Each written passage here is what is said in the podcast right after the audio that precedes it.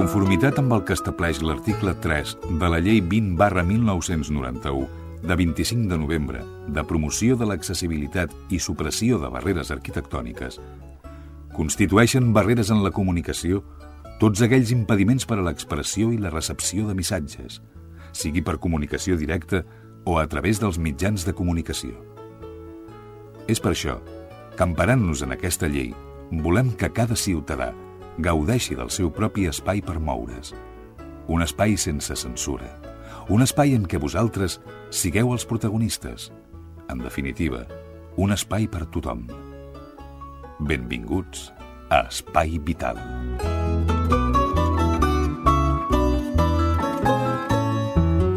Senyores, senyors, què tal, com estan? Benvinguts. Ja ha passat aquell fred tan aterrador que ens eh, va passar per aquí, per Catalunya.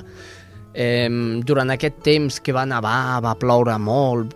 Bé, ara ja, en principi, hauríem de tenir avui bon temps. Ja veurem si el tenim o no, perquè aquest programa es grava el divendres i s'emet el dimecres o el dissabte o el diumenge, depèn de l'emissora que sigui, que emeti aquest programa. Parlem de Cerdanyola, Ripollet, Montcada, Barberà i Santa Perpètua. Doncs molt bé, comencem aquest programa, com sempre, donant la benvinguda a la nostra cuinera adaptada, ella és Teresa Diviu, bon dia. Bon dia a tothom. I bon dia també al nostre cercador, Alfredo Ángel Cano Toledo, bon dia. Bon dia. I el nostre tècnic, que no ens dirà res, però ell només movent el cap ja en tenim prou. El Jordi Puy, bon dia. Molt bé, doncs aquí estem, amb 3, 2, 1, comencem ja el nostre programa d'avui. Estàs escoltant Espai Vital.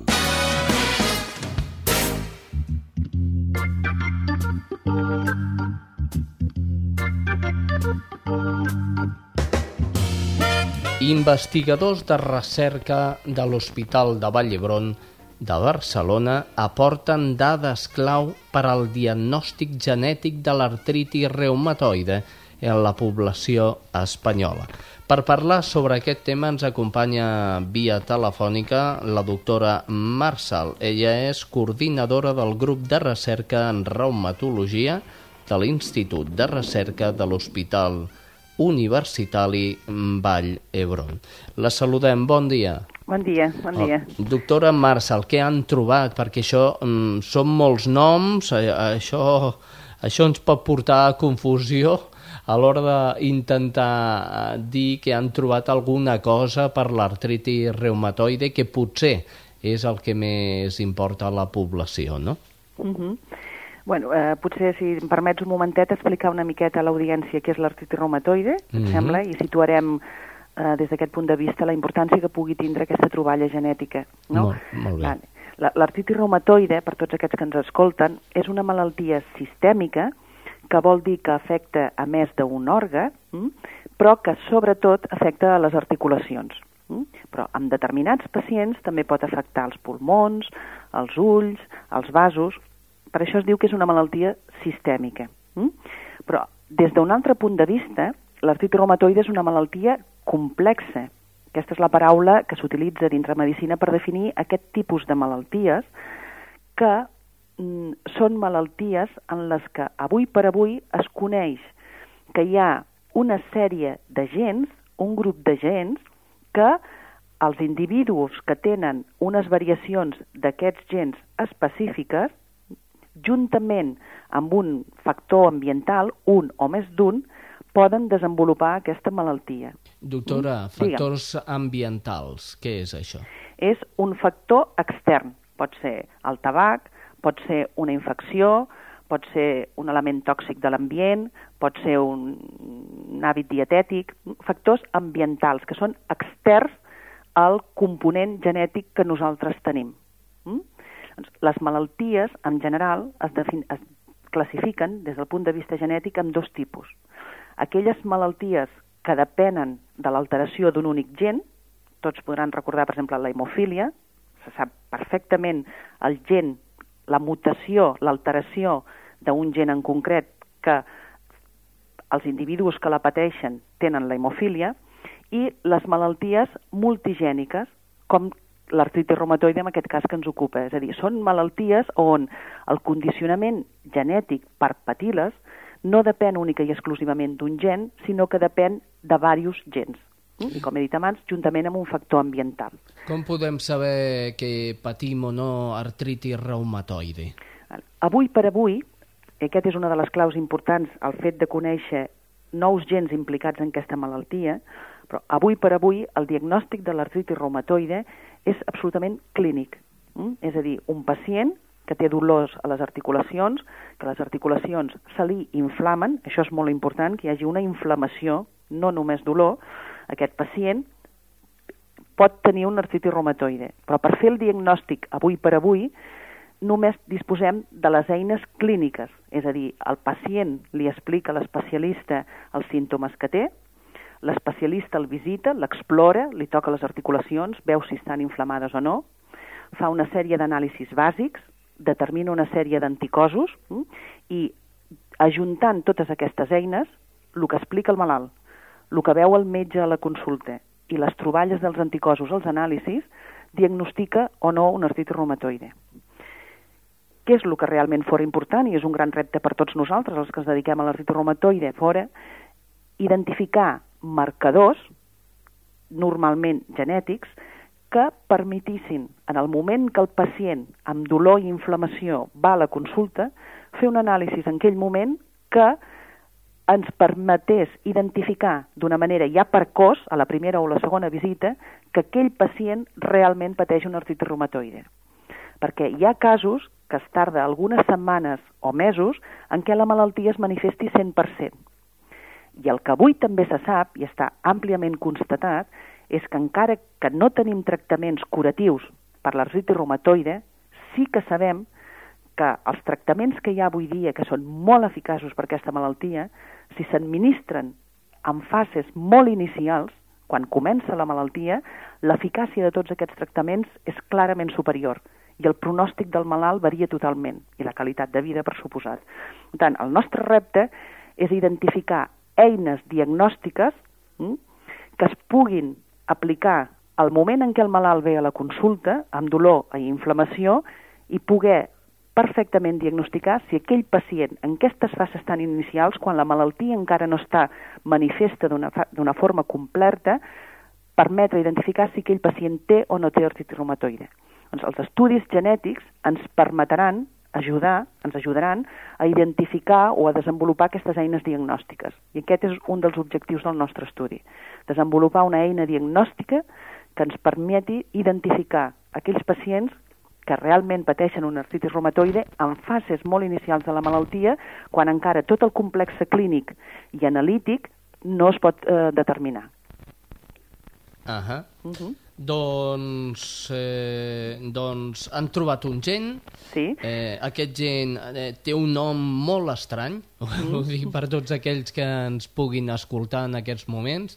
És un gen molt estrany, té un nom... Mm, és un número. És un sí, número. Life Factor 12. Ah, aquí està. Sí. Més estrany que això no, no trobaran res, però és real, és un número real i per això un grup d'investigació ho, està, ho està tractant. Mm. Molt bé, doctora, mm, què més ens pot explicar sobre bueno, aquest gent? Fet només un comentari, sí que sí. és un nom raro, realment és un nom raro, sí. que prèviament no es havia identificat que estava associat a la malaltia. Mm. Mm? El que passa que avui es disposa d'unes tecnologies molt potents que ens permeten analitzar tots els gens d'un individu. Mm? Mm -hmm. Per tant, en aquest estudi el que hem eh, comparat ha sigut tots els gens de pacients amb artritis reumatoide amb gens amb, amb individus controls, és a dir, individus sants que no tenen l'artritis reumatoide, mm? Mm -hmm. i les variacions d'aquests gens que s'han comparat amb els pacients i amb els controls s'ha avaluat si hi havia diferències entre els pacients i els controls. Mm? Hem utilitzat unes tecnologies molt potents que ens han, permet, ens han permès analitzar tots aquests gens, per tant, han fet com un escanejat, com un screening complet de tot el genoma.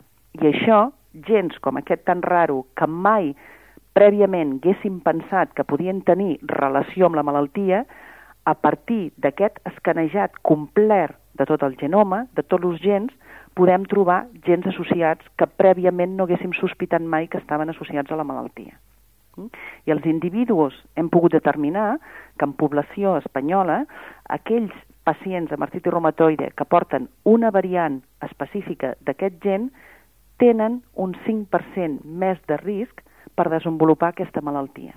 Per tant, és un pas més a l'hora d'identificar els gens que confereixen susceptibilitat, que fan que, que els pacients pateixin artritis reumatoide. És un nou gen? Però encara ens queda molt, molt per determinar. molt bé, el gen, ja els dic jo, en definició corteta, mm. perquè vostès se l'apuntin, és el gen KLF12. Doncs eh, la variació d'aquest gen, com diu la doctora, és la que produeix aquesta malaltia. Eh, podem eh, fer, fer una preparació perquè no agafem aquesta malaltia? No, avui per avui no. Avui per avui no, perquè, el, com us he comentat abans al començament, aquestes malalties depenen d'un determinat nombre de gens. Avui mm. per avui només ne coneixem 3 o 4, encara ens en queden la meitat, sospita que es queden la meitat de gens per identificar, i els gens ja és una càrrega genètica que portem nosaltres, que no podem modificar, ja va inherent a nosaltres, la portem des de que naixem, no? I després depèn d'uns factors ambientals la identificació de factors ambientals, avui per avui, que produeixin artritis reumatoide, eh, és molt limitada. Al moment en què tinguem més coneixement de tots aquests gens hm, amb els que naixem i que amb les seves combinacions determinaran que uns individus tinguin o no artritis reumatoide i tinguéssim factors ambientals que identificats que sapiguéssim que incideixen sobre aquestes persones específiques, hm, podríem intentar evitar que aquestes persones que tenen el component genètic que pot desenvolupar la malaltia entressin en contacte amb un amb factor ambiental, sempre i quan aquest factor ambiental sigui evitable i no sigui imprescindible per la vida, no? Uh -huh. Sí, senyora. El que sí que podem fer realment és tots aquells pacients que tenen dolor inflor que estiguin les articulacions inflades. Hm? El que sí que han de fer és, d'una manera immediata, acudir a l'especialista, l'especialista de reumatologia. És fonamental el diagnòstic precoç d'aquests pacients. Qualsevol tipus de tractament que s'apliqui, la seva eficàcia canvia moltíssim de implementar a les sis setmanes del tractament o als sis mesos o als sis anys. Quin és importantíssim el diagnòstic precoç i anar a l'especialista de reumatologia. Quin és el tractament, doctora? El tractament són medicaments, eh, són fàrmacs específics que frenen la inflamació, mm? Uh -huh. és a dir, el tractament d'aquests pacients és sintomàtic des del punt de vista que tu pots donar antiinflamatoris i corticoides a dosis baixes, però aquests fàrmacs no frenen la malaltia, només són fàrmacs sintomàtics per atreure-li el dolor al començament. L'important és instaurar des de l'inici tractaments específics que afecten eh, vies que se sap que eh, estan alterades a la malaltia i amb els últims anys s'han desenvolupat dintre d'aquest concepte el que se denomina teràpies biològiques, hm? que són uns tractaments molt eficaços, molt eficaços, que ja hi ha una gran experiència, més de 10 anys, amb el seu ús, que avui per avui se sap que han canviat totalment el pronòstic d'aquests pacients, són fàrmacs relativament segurs, a 10-15 anys d'experiència ja la seva seguretat a mitjà i a llarg plaç ja està molt contrastada, i que, instaurats en fases molt inicials de la malaltia, frenen totalment la progressió de la malaltia en molts casos, en molts casos. Doncs... És importantíssim el diagnòstic precoç, eh? Mm -hmm. Important, important. Molt important. Doncs ja ho saben vostès que ens escolten, eh, la doctora Marçal ens diu que és doctora ella, eh, en reumatologia, Sí o no, doctora? Sí, sí. Vostè, doctora, Reumatòleg. no? Reumatòloga. Ho dic perquè, perquè la gent que ens escolta sàpiga que és doctora en reumatologia i que porta també pacients amb artritis reumatoide. I, uh -huh. I escoltin, jo tinc gent molt propera que ho està patint i, i és important el seu diagnòstic precoç uh -huh. abans de que la malaltia evolucioni. Sí, sí. Doctora Sara Marçal, coordinadora del grup de recerca de reumatologia de l'Institut de Recerca de l'Hospital Universitari Vall d'Hebron. Quanta recerca, Déu meu. Gràcies per haver, gràcies per haver la nostra trucada i esperem que trobin el, tota la cadena genètica mm. d'aquesta malaltia i la puguin identificar.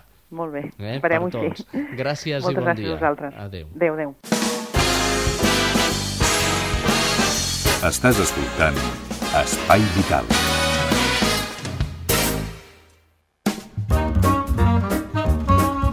La sintonia que ens fa venir més ganes... de les que teniu.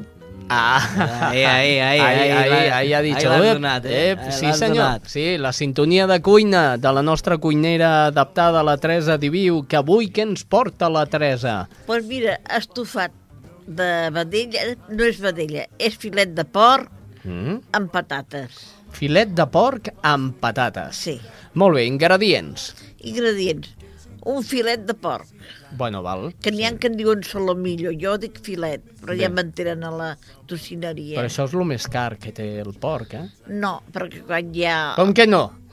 És el més car, però no és gaire... És menys car que la vedella. Ah, vale, però del porc?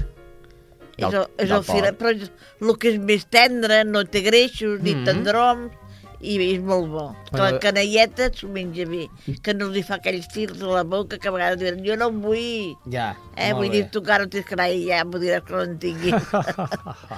Dintre de poc, dintre de poc, o sigui... Bueno, va, Bueno, bueno, deixem-nos de comencem, fills, ara. Sí. pues el filet.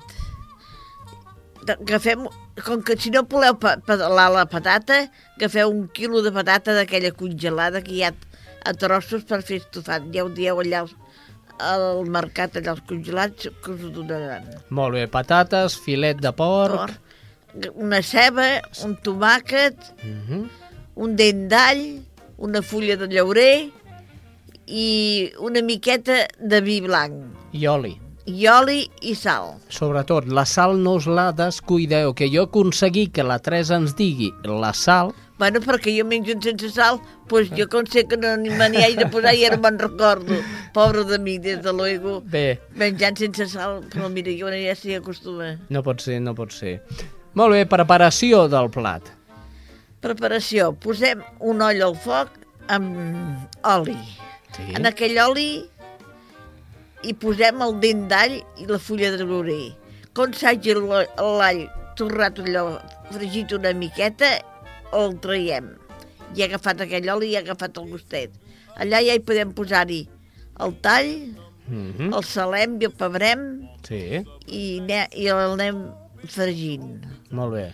El anem fregint a poquet a poquet. Mm. Com veiem que ja el tenim mig fregidet, i tirem la ceba ratllada. Si no la podeu ratllar, en els congelats també n'hi ha de, de, de ratllada, que també us anirà bé. És més, és un consell de la nostra cuinera adaptada. Adaptem els productes que fiquem a l'olla. Mm? Anem a buscar-ho Sí. a, a una botiga de congelats. Allà li posem la ceba que es vagi fregint al tall, a poquet a poquet, i aneu donant voltes. Molt bé. Després hi tirem la, el tomàquet, també que vagi donant voltes. Agafem tomàquet triturat, Tri- aquell de pot, no? Si jo m'estimaria més que ratllessi, té més bon gust. Val. Soc punyetera jo també. Sí, no, ja et veig, ja. No, va, pues, pues, hay que adaptar les coses i aquesta dona no, no em deixa adaptar-les, eh? Bueno, és perquè- No deixa. Bueno, sí que n'hi ha de triturat ja, també ho podíeu Clar, posar. clar. Però, és clar jo obrir un pot em costa més. En canvi, més fàcil jo ratllar-lo. Tu no coneixes l'arbre fàcil, eh que no? Aquell que sí, me'l Sí, dic. que amb- amb un dic, rac. Però sí, rac. Però pots aguantar amb l'altra mà, que jo no puc aguantar. No, però això, algun invent haurem de fer perquè la Teresa pugui obrir, obrir els pots de tomàquet amb una sola mà. Un obrellonàs elèctric, per exemple. Sí, però no, ja havia tingut, però no va tan bé. No va tan bé. No. Bé, doncs ratlleu, i No, si no ratlleu. demaneu ajuda, que no Això- passa res. Això ja mateix, està. en el mercat, a vegades mm. n'hi ha que en venen de ratllat, vull dir, allò d'aquell triturat als pots, o si demaneu per favor que us l'obrin, Ja doncs estarà. Ja estarà. Sí, senyora. Doncs molt bé, posem el tomàquet El ratllat. tomàquet, allà també a la cassola. A- a dintre. I aneu remenant. Quan ja veieu quasi bé que ja està, i poseu allò una miqueta de vi blanc, allà dintre que faci el xup-xup. Molt bé. Ho deixeu que faci el xup-xup. Com veieu que hagi passat un quart d'hora que s'hagi begut aquell d'allòs, i tireu aigua calenta. Calenta? Calenta, sí. I per què això? perquè es vagi estovant la, el tall. Ah, bé, bé, bé, bé. Però bé, si, si Deixeu- ja està el foc, ja està el foc. Bueno, si el foc... Bueno, que, que vull Pot ser aigua freda, vull dir. No, bueno, jo m'estiu més tirant i calenta. Ah, bé, val, Que val. així no, no deixa de bullir la carn i es va tornant més tova. Molt bé. Quan veieu que hagi passat 10 minuts, que hagi bullit aquella olla, també que l'aigua aquella i el tall, ja hi podeu posar-hi la patata. Mm. Tireu la patata, si voleu, hi tireu una miqueta de bé crem, Mm -hmm. o si no, pues sal, Molt bé. i que heu de tirar-hi. I deixeu que, pues, que, que es faci el xuxo, potser les patates potser en 10 minuts, un, un quart d'hora ja les tindrem, perquè aquestes congelades sempre es couen més aviat. pues és un dinar, pues mira, és un plat que té, que té consistència. Ja té el tall, les patates i la caralleta, pues mira, els aixafeu. I hi ha suquet també, que va molt bé aquell suquet per sucar.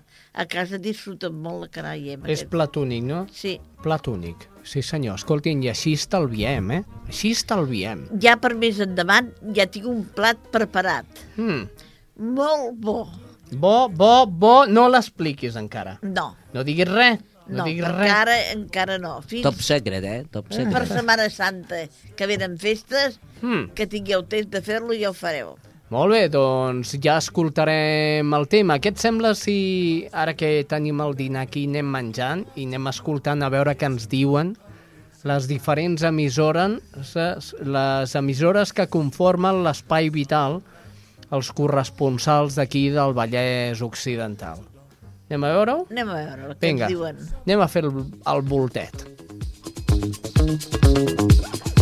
Comencem, com sempre, per Cerdanyola i com sempre també tenim a la Mònica González a l'altre costat del fil telefònic. Molt bon dia, Xavi. Des de Cerdanyola Ràdio avui us expliquem que 18 nedadors d'Espadi participaven en el 21è Campionat de Catalunya celebrat a les piscines Can Llong de Sabadell. D'entre els 350 participants, els cerdanyolencs van aconseguir un total de 17 medalles, 5 d'elles d'or, 4 de plata i 8 de bronze. Espadi va tornar així a repetir èxits en un nou campionat de Catalunya. Els eh, nedadors cerdanyolencs eh, van assolir un total de 17 medalles. Gabriel Ortega, delegat d'Esports d'Espadi, fa una valoració molt positiva i creu que l'èxit dels seus nedadors és la constància i els anys de treball que acumulen a l'entitat.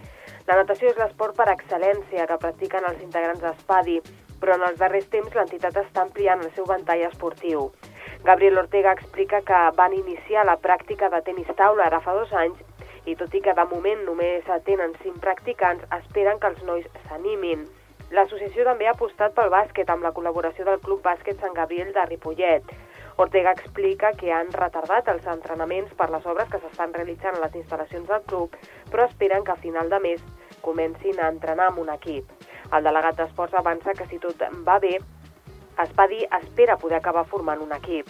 A més, l'entitat local ha col·laborat estretament amb el club d'handbol Cerdanyola per confeccionar un equip d'handbol de disminuïts psíquics. El conjunt en ja fa uns mesos que entrena al Parc Esportiu Municipal Guiera i pròximament participarà a la primera trobada d'handbol per a disminuïts psíquics organitzada conjuntament per la Federació Catalana d'Handbol i la Federació Catalana d'Esports per a disminuïts psíquics. I això és tot, Xavi. Des de Cerdanyola Ràdio us ha parlat Mònica González. Gràcies, Mònica, de Cerdanyola cap a Ripollet. Allà l'encarregada és la Laia Prat. Hola, Xavi. Avui des de Ripollet t'expliquem que durant tot el mes de febrer la Sala 1 d'Exposicions del Centre Cultural acollirà la mostra Compartir un somriure organitzada pel Departament de Polítiques d'Igualtat. La mostra es composa d'una cinquantena d'imatges amb cares somrients de nens i nenes de Guatemala amb la intenció de representar la diversitat i multiculturalitat d'aquest poble, així com les possibilitats de canvi. Compartir un somriure presenta als espectadors el valor del somriure dels nens d'un país ple de problemàtiques socials. La mostra ha estat realitzada per l'associació Xare Espanya en el marc del seu programa de sensibilització comunitària adreçat especialment als joves. Associada a aquesta exposició, membres de Xare impartiran els dies 18 i 19 de febrer al Centre Cultural una xerrada sobre educació i desenvolupament. I això és tot fins la setmana vinent. Adéu-siau, Laia Prat. Anem cap a Montcada. Allà està la Sílvia Díaz. Hola, salutacions des de Montcada a l'Espai Vital. La setmana passada us parlàvem del malestar que hi ha al municipi sobre la situació de la sanitat. El que sembla que s'ha resolt de moment és el tema de la pediatria. L'alcalde de Montcada i Reixac, César Arrizabalaga, ha assegurat que es mantindrà el servei de medicina infantil als dos ambulatoris de la localitat. La direcció sanitària havia proposat traslladar tot medicina infantil a l'ambulatori del Pla d'Encoll, un equipament nou, però lleugerament allunyat del nucli central, davant la manca de pediatres que pateix el municipi. Els usuaris de l'ambulatori vell havien fet públiques les seves queixes i, de fet, un grup de famílies, amb el suport de la Federació d'Associacions de Veïns, havia començat a recollir firmes contra aquesta decisió. Per resoldre el conflicte amb la pediatria i d'altres denúncies que han mostrat els usuaris, l'alcalde es va reunir fa uns dies amb el director dels ambulatoris, Miquel Barbany, i el director del Servei Català de Salut a la regió centre, Joan Parellada, per tal de contrastar les demandes ciutadanes amb els recursos disponibles. Pel que fa a la pediatria, Montcada disposa a hores d'ara de quatre especialistes, dos a cada ambulatori, però per volum de població n'hauria de tenir sis. Un d'ells està de baixa i la sisena plaça no s'ha cobert. Segons la direcció de l'atenció primària, que no es cobreixin les vacants no és un problema de diners, sinó que no hi ha metges de medicina infantil disponibles. Doncs bé, aquesta és la crònica d'avui. Fins la setmana vinent. Adéu-siau. Fins la setmana vinent. Jo, des de la meva posició de comunicador, vull parlar ara mateix a totes les persones que estan estudiant medicina i que encara no tenen clar quina és l'especialitat que han d'agafar. Doncs ja us ho dic jo, agafeu pediatria. Falten pediatres a tot Catalunya, no només a Montcada. I per últim ja, no, per últim no, quasi bé. Per últim anem a Barberà del Vallès. Avui no és la Núria Cabrera, sinó que és l'Ernest Hernández. Bon dia. Hola, Xavi. En Junta de Govern Local, celebrada la setmana passada a la nostra ciutat, a Barberà del Vallès, es va aprovar la contractació dels serveis per la prestació de l'activitat d'electroescriptura i aprenentatge de les noves tecnologies, tallers emmarcats en les activitats per la gent gran de Barberà durant el període de febrer a maig d'enguany. La lectoescriptura és una estratègia d'aprenentatge que relaciona la lectura i l'escriptura a la vegada i que consisteix en proveir activitats, en aquest cas, adreçades a persones grans, que estimulin el seu desenvolupament de les destreses de codificació, descodificació i interpretació de continguts textuals. El contracte aprovat ha estat per l'empresa Doble Via, serveis socioeducatius per un import total de 14.870 euros. Destacar que durant la mateixa Junta de Govern local també es va aprovar la pròrroga del contracte amb aquesta empresa per la gestió i dinamització sociocultural d'altres activitats endinsades en el programa municipal per a la gent gran del 2009, així com la pròrroga del contracte amb l'empresa SEMO Societat Anònima per la realització de les vacances de la tercera edat. Això és tot. Des de Barberà del Vallès us ha parlat Ernesto Hernández. Doncs gràcies, Ernest, i benvingut a, a l'Espai Vital, que no és d'un, ni de dos, ni de tres, és de tothom. I tu has entrat com a, com a persona responsable de Barberà a l'hora de donar-nos les notícies sanitàries. Ens queda una població, que és Santa Perpètua de la Moguda. La persona encarregada allà de donar-nos la última hora en sanitat és l'Estrella Núñez. Hola Xavi, hola amics i amigues de l'Espai Vital. Avui us explicarem que l'Ajuntament de Santa Perpètua portarà a terme actuacions per millorar la situació del col·lectiu de persones discapacitades de la localitat. Aquesta moció es va aprovar en el darrer ple de la corporació local corresponent al mes de gener i va ser una proposta de tots els grups municipals. Iniciativa per Catalunya Verds Esquerra Unida i Alternativa, Partit dels Socialistes de Catalunya, Esquerra Republicana de Catalunya, Convergència i Unió, Partit Popular i Plataformes Cíviques Ciutadans a l'Ajuntament.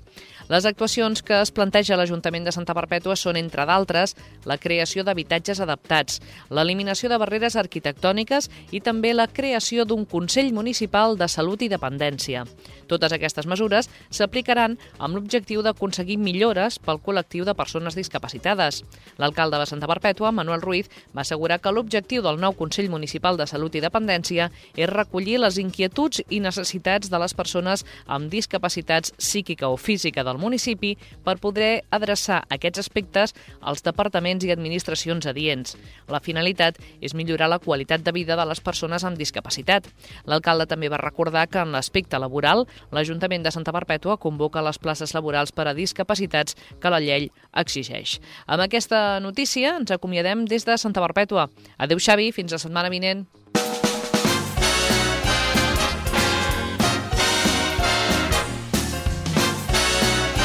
Espai Vital, el primer programa adaptat de les zones.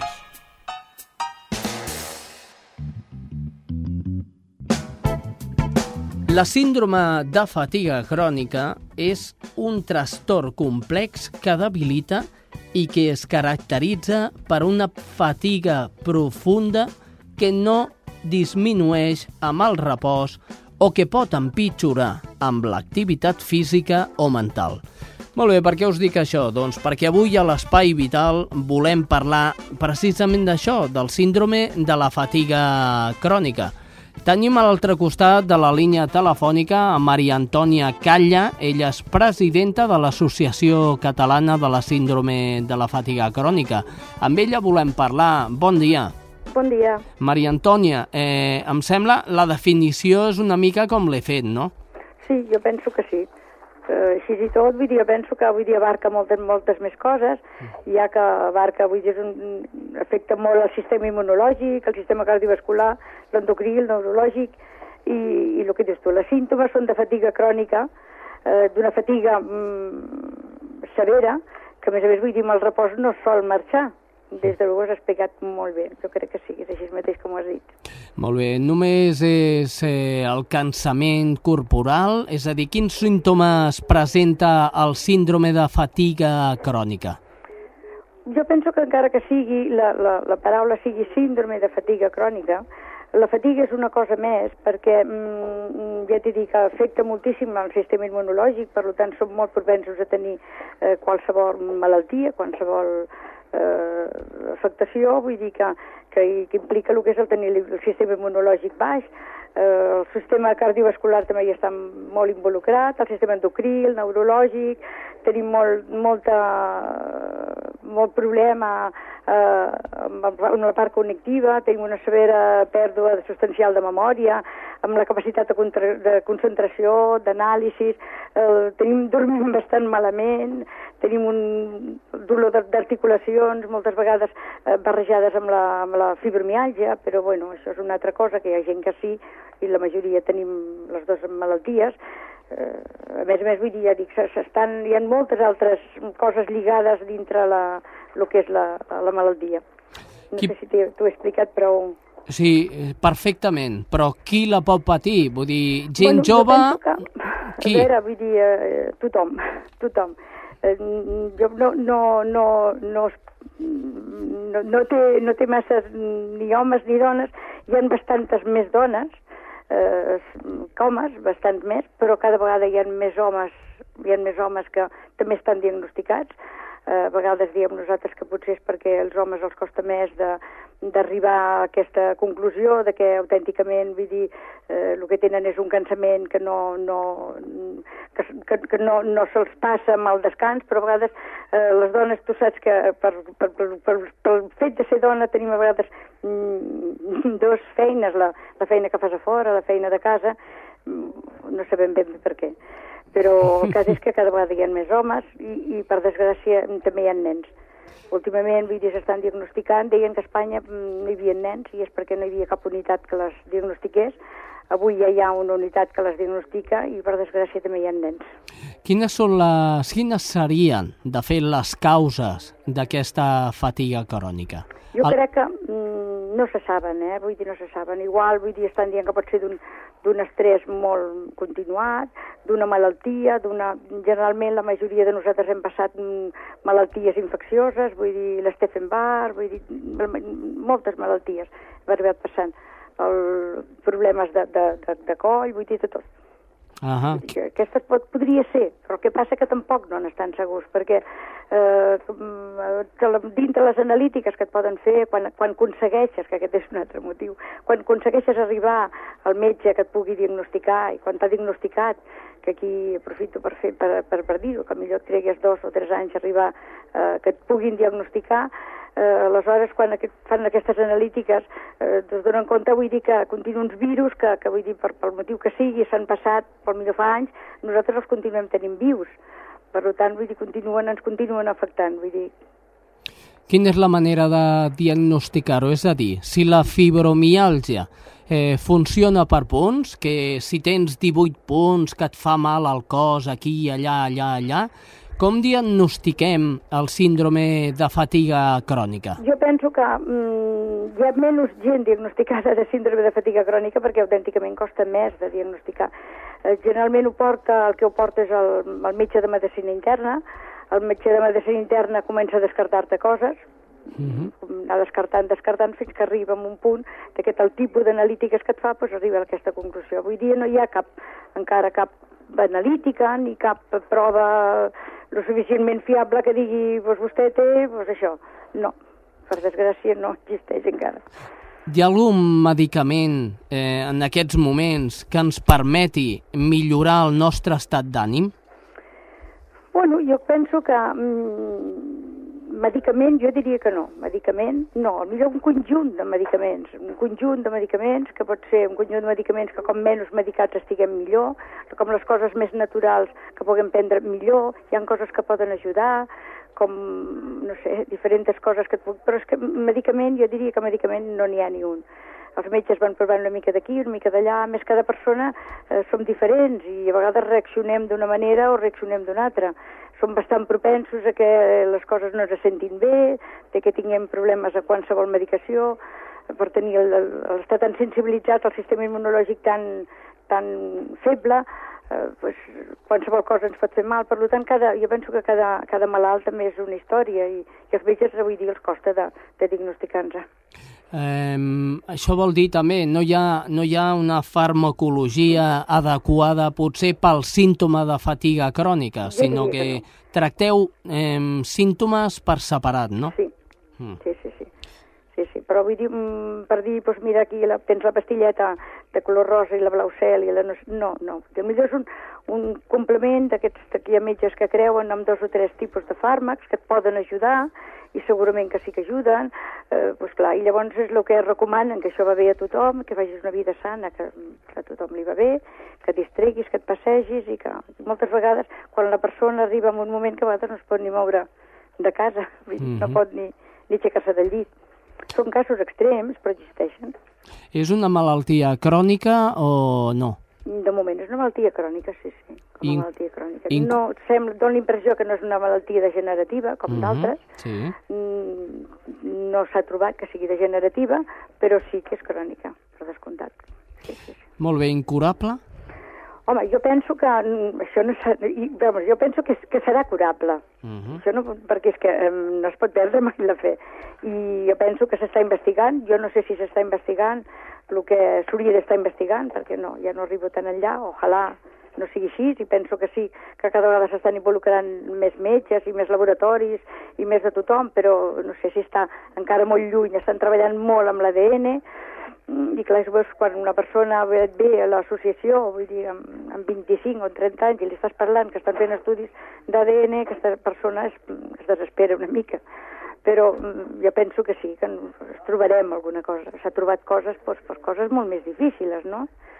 Potser tenim la pega que com els fills es morien, nosaltres no ens morim. Mm. Això tristament. Sí, sí, sí, sí. Perquè no, i per això potser no s'hi han posat prou, prou en sèrio, però autènticament penso que és una, un motiu per posar-s'hi molt seriament, perquè penso que hi ha gent tan jove, tan lamentable, que gent que, vull dir, amb 20 anys, que encara no, no ha entrat a, a, a, a, al, al joc de, de, de, la, de la vida, de, de, de, de, del treball, de, de, de tot, i aquesta persona s'ha pues, de quedar relegada, perquè és que no saps on col·locar-la. O una persona amb 30 o amb 40 anys que sí que ha tingut un, un treball, uns estudis, ha pogut estudiar, o, i, i, bueno, no sé, aquesta persona es troba que també no... no on, on la col·loques? A millor, amb molta sort, acaben donant-li una, una invalidesa, tristament, perquè avui no hauríem de, de voler mai una invalidesa, sinó un, trobar un lloc adequat perquè la persona pogués mm, adequar-se a que ella pugui per continuar endavant. I en canvi, vull dir, aquesta persona, doncs, vull dir, no sé, tristament igual, ja dic, troba que li donen una invalidesa amb 500 euros, vull dir, i la tenen apartada, si aquesta persona, vull dir, té 30 o 40 anys, imagina't, pot viure, vull dir, no sé, Aquest és encara el... 30 o 40 més, Mm. i què farà aquesta persona? Això és el que jo avui dia a mi, personalment, em té com a més, més angoixada d'aquesta gent tan jove que què passarà? Mm Què passa amb ells? Al Com al igual que amb, amb el càncer o d'altres malalties hi ha grups de, de suport per afectats, suposo que el síndrome de fatiga crònica també és important que existeixin aquests grups, no? Bueno, jo penso que és importantíssim. Importantíssim perquè, a veure, en un, en, en un moment donat, penso que a vegades la, els que t'envolten tampoc et comprenen massa. La, la, la incomprensió a vegades és més, més de dintre casa o de, o de prop dels que t'envolten i, i, llavors unir-te amb, amb una associació, vull dir, amb gent que, que està patint el mateix que tu, això et fa sentir com una mica més fort i tots som més forts. Mira, cada un de nosaltres sempre penso que som com un granet de sorra, però molts granets de sorra fem una gran muntanya. I, i units, units, units, units hem de fer, hem de fer la tasca que, per tirar tots endavant. Molt bé, doncs eh, per anar acabant, Maria Antònia Catlla, eh, ella és presidenta de l'Associació Catalana de la Síndrome de Fatiga Crònica i com a presidenta ara mateix ens podria dir quina és la millor manera de que qualsevol persona que ens escolti es pugui posar en contacte amb vosaltres. Bueno, jo penso que seria important de que nosaltres tenim una, tenim una web, que, que, que et diré la... la... Espera un momentet perquè no ho trobo. L'adreça web, que segurament serà les 3 w. Ah, això mateix, mira, sí, la, la A, A es facem, A, C, S, F, C, E, M, eh, arroba, punt org. Molt bé. Llavors, per, per aquí mm, podeu entrar, després nosaltres tenim una seu, que és al carrer Joan Güell, 184, al local 32, i el telèfon, vull dir, si el vols tornar a dir, Sí, home. és el 93 321 46 54. També tenim, i això és de, de no fa massa, tenim delegació a Sant Andreu de Llavaneres, a Caldetes i Sant Vicenç, de, i, i el telèfon, si es poden posar en contacte amb nosaltres, és el 659 47 5173. Aleshores, aquí fem, tenim uns grups d'ajuda mútua, uns grups portats per una psicòloga, uns grups portats per una fisioterapeuta, que totes aquestes coses pues, ajuden a, penso jo, a tirar endavant.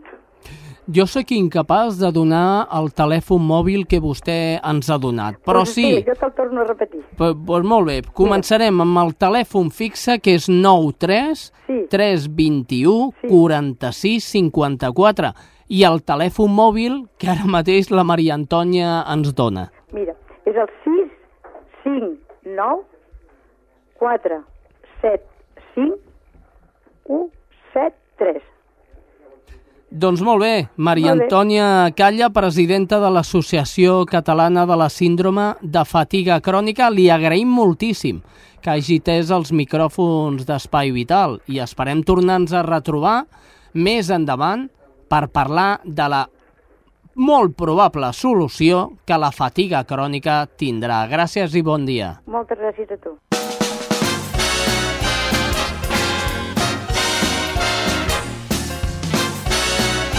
Espai Vital, el primer programa adaptat de les zones.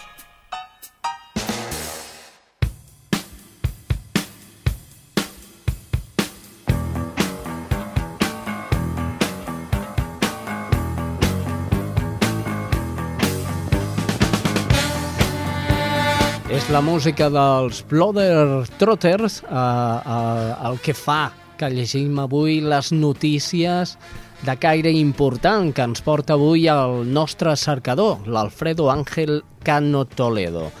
Molt bé, eh, comencem. El Consell General de Dentistes denuncia la clínica Planes per usar Botox en el som- somriure gingival que això ja, ja veurem què vol dir, això de gingival, de la, de la geniva, no? De la geniva. Sí, no? El Consell General de Dentistes ha denunciat a la clínica Planes per publicar l'ocupació de Botox per corregir l'anomenat somriure gingival, que permet veure la geniva. Una oferta que adverteix l'organització col·legial és il·legal perquè la toxina no està indicada per tractar aquest problema. El president del Consell de, de Dentistes, Alfonso Villa, ha informat que determinada clínica estètica, el nom de la qual no ha facilitat en cap moment, ha estat denunciada a la Comunitat de Madrid i a Catalunya, on el centre té el seu àmbit d'actuació per promoure aquesta mala, eh, mala passada mèdica. Els odontòlegs han traslladat la seva acusació a l'Agència Espanyola de Medicament i a la Direcció General de, la, de Farmàcia perquè adoptin les mesures que corresponguin. A la seva publicitat, la clínica Planes promet que mitjançant la injecció de petites quantitats de Botox la aconsegueix un somriure, un somriure natural i equilibrat. Utilitzar la toxina botòlica al llavi superior, a més de ser una cosa il·lícita, és perillós i asseverat, i asseverat Villa que ha esgrimit el seu mal ús pot eh, fins i tot arribar a ser mortal. Us ha quedat clar o no us ha quedat clar? Perquè jo, a mi, a mi no ho sé, aquesta última frase no m'ha quedat gaire clara, eh? A veure, Eh, si utilitzar la toxina botulínica, Bot- que és el Botox, sí, al llavi superior, a més de ser una cosa il·lícita, és perillós. Ha asseverat Villa, qui ha esgrimit que el seu mal ús pot fins i tot arribar a ser mortal. Era això, no? sí. Veus? És que dic, si ho deixo així, la gent no haurà entès res. Déu meu. Molt bé, eh, totes abans, a... abans de donar l'altra notícia, m'agradaria donar una altra que per mi és molt important, sobretot eh, per la gent discapacitada i que tira cap endavant, Sí. és que en el món del cinema, Hm. eh, Langui, que és un discapacitat, ha lograt dos Goyas, Ah, un per millor actor, diguem, eh, revelació, sí, per millor banda sonora, molt bé. i a més a més el director, que és el, del Truco del Manco, que es diu així la pel·lícula, Mm. també ha guanyat el, doc, eh, el Goya a millor actor revelació. Director revelació. Doncs molt bé, donem-li les felicitacions des d'Espai Vital a l'Angui. Bueno, i ara jo el que anava a dir, eh? totes aquestes notícies que el cercador eh, ens està mm, llegint, les ha tret de la plana web, que és un blog d'Espai Vital, que són les 3 Ràdio. radio guió Espai, guió, vital, punt, blogspot.com. Molt bé, doncs des d'aquesta plana tenir totes les notícies que el cercador ens porta aquí, a l'Espai Vital, al programa. Recordeu, Cerdanyola, Ripollet, Montcada, Barberà i Santa Perpètua. Cinc poblacions unides per un programa com aquest. Anem a per una altra notícia. Diu que estudien un possible brot d'hepatitis A a Barcelona, la ciutat comtal. L'Agència de Salut Pública de Barcelona ha informat que està investigant un possible brot d'hepatitis A. L'alerta ha saltat després que en els darrers dies s'hagin destacat una trentena de casos a la ciutat, una xifra molt superior a la mitjana i, de que els, i del que és habitual. L'agència ha dit que la meitat dels malalts són homosexuals, per la qual cosa no es descarta que el brot estigui causat per pràctica sexual de risc. Molt bé, doncs fins aquí el cercador. Tot i abans, recordeu-vos l'última notícia, ja no tenim temps per més. Una càpsula que envia imatges del tub digesti- digestiu es converteix en una nova tècnica de diagnòstic. Les 3 W, ràdio guió espai guió vital punt blogspot.com Fins aquí hem arribat. Uh, cercador, gràcies. Gràcies a tu, Xavi. Fins la setmana vinent, no em faltaràs, Fins la no? setmana vinent. No, no. Teresa Diviu, el mateix gràcies i fins la setmana vinent. Si Déu vol. I a vostès, el nostre tècnic i a tots, fins la setmana vinent.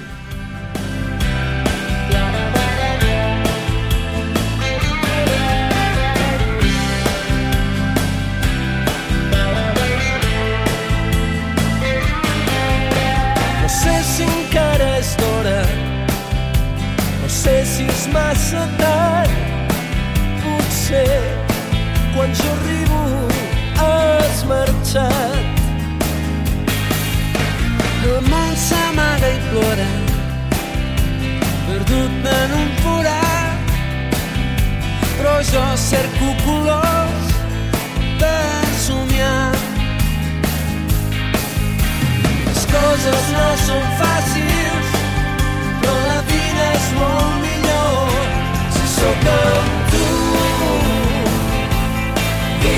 que hi ets i et diré que sóc amb tu. Digue'm qui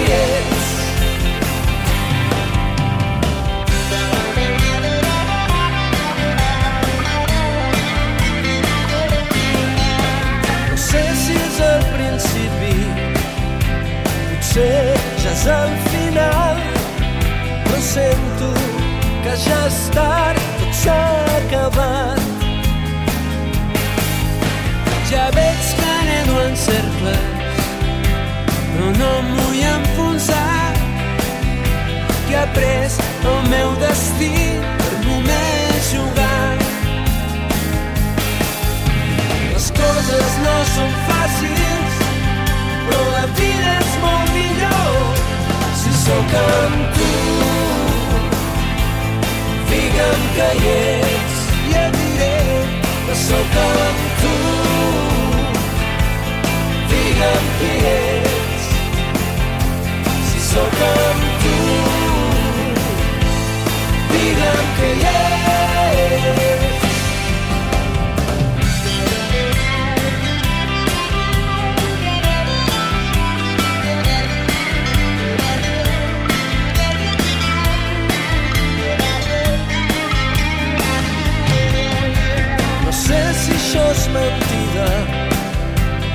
sé si estic somiant, però jo només respiro amb tu. Potser tot va de pressa, o potser res no està passant, si sóc amb tu. Digue'm que hi ets et diré que sóc amb tu. Digue'm qui ets, So come through, dígame yes. So come to dígame que yes.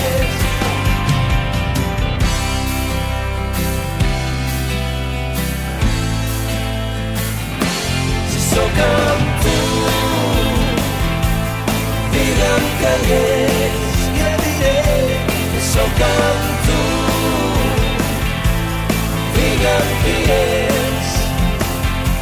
si sóc amb tu que